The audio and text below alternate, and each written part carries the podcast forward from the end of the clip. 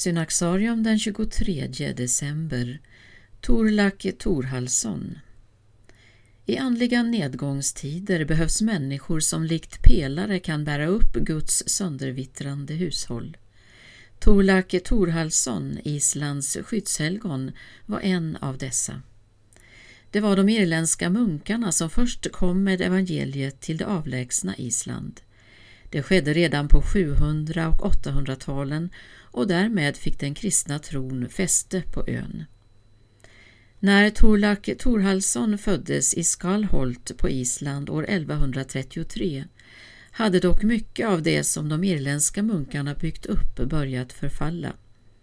Torlak gav sitt liv åt Gud när han var 15 år gammal, en gåva han aldrig tog tillbaka. Han blev diakon vid samma ålder och prästvigdes tre år senare. Han sändes därefter till England och Frankrike för studier. När han återvände till Island 1161 fann han att behoven av en andlig förnyelse var enorma. Efter att en bonde testamenterat mark till honom upprättade han ett kloster för vilket han själv blev abbot.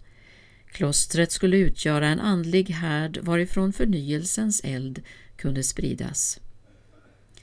När Torlak blev biskop år 1178 inledde han ett omfattande arbete för att reformera det kyrkliga livet. Men det var få som anslöt sig till honom och han strävade ofta i motvind.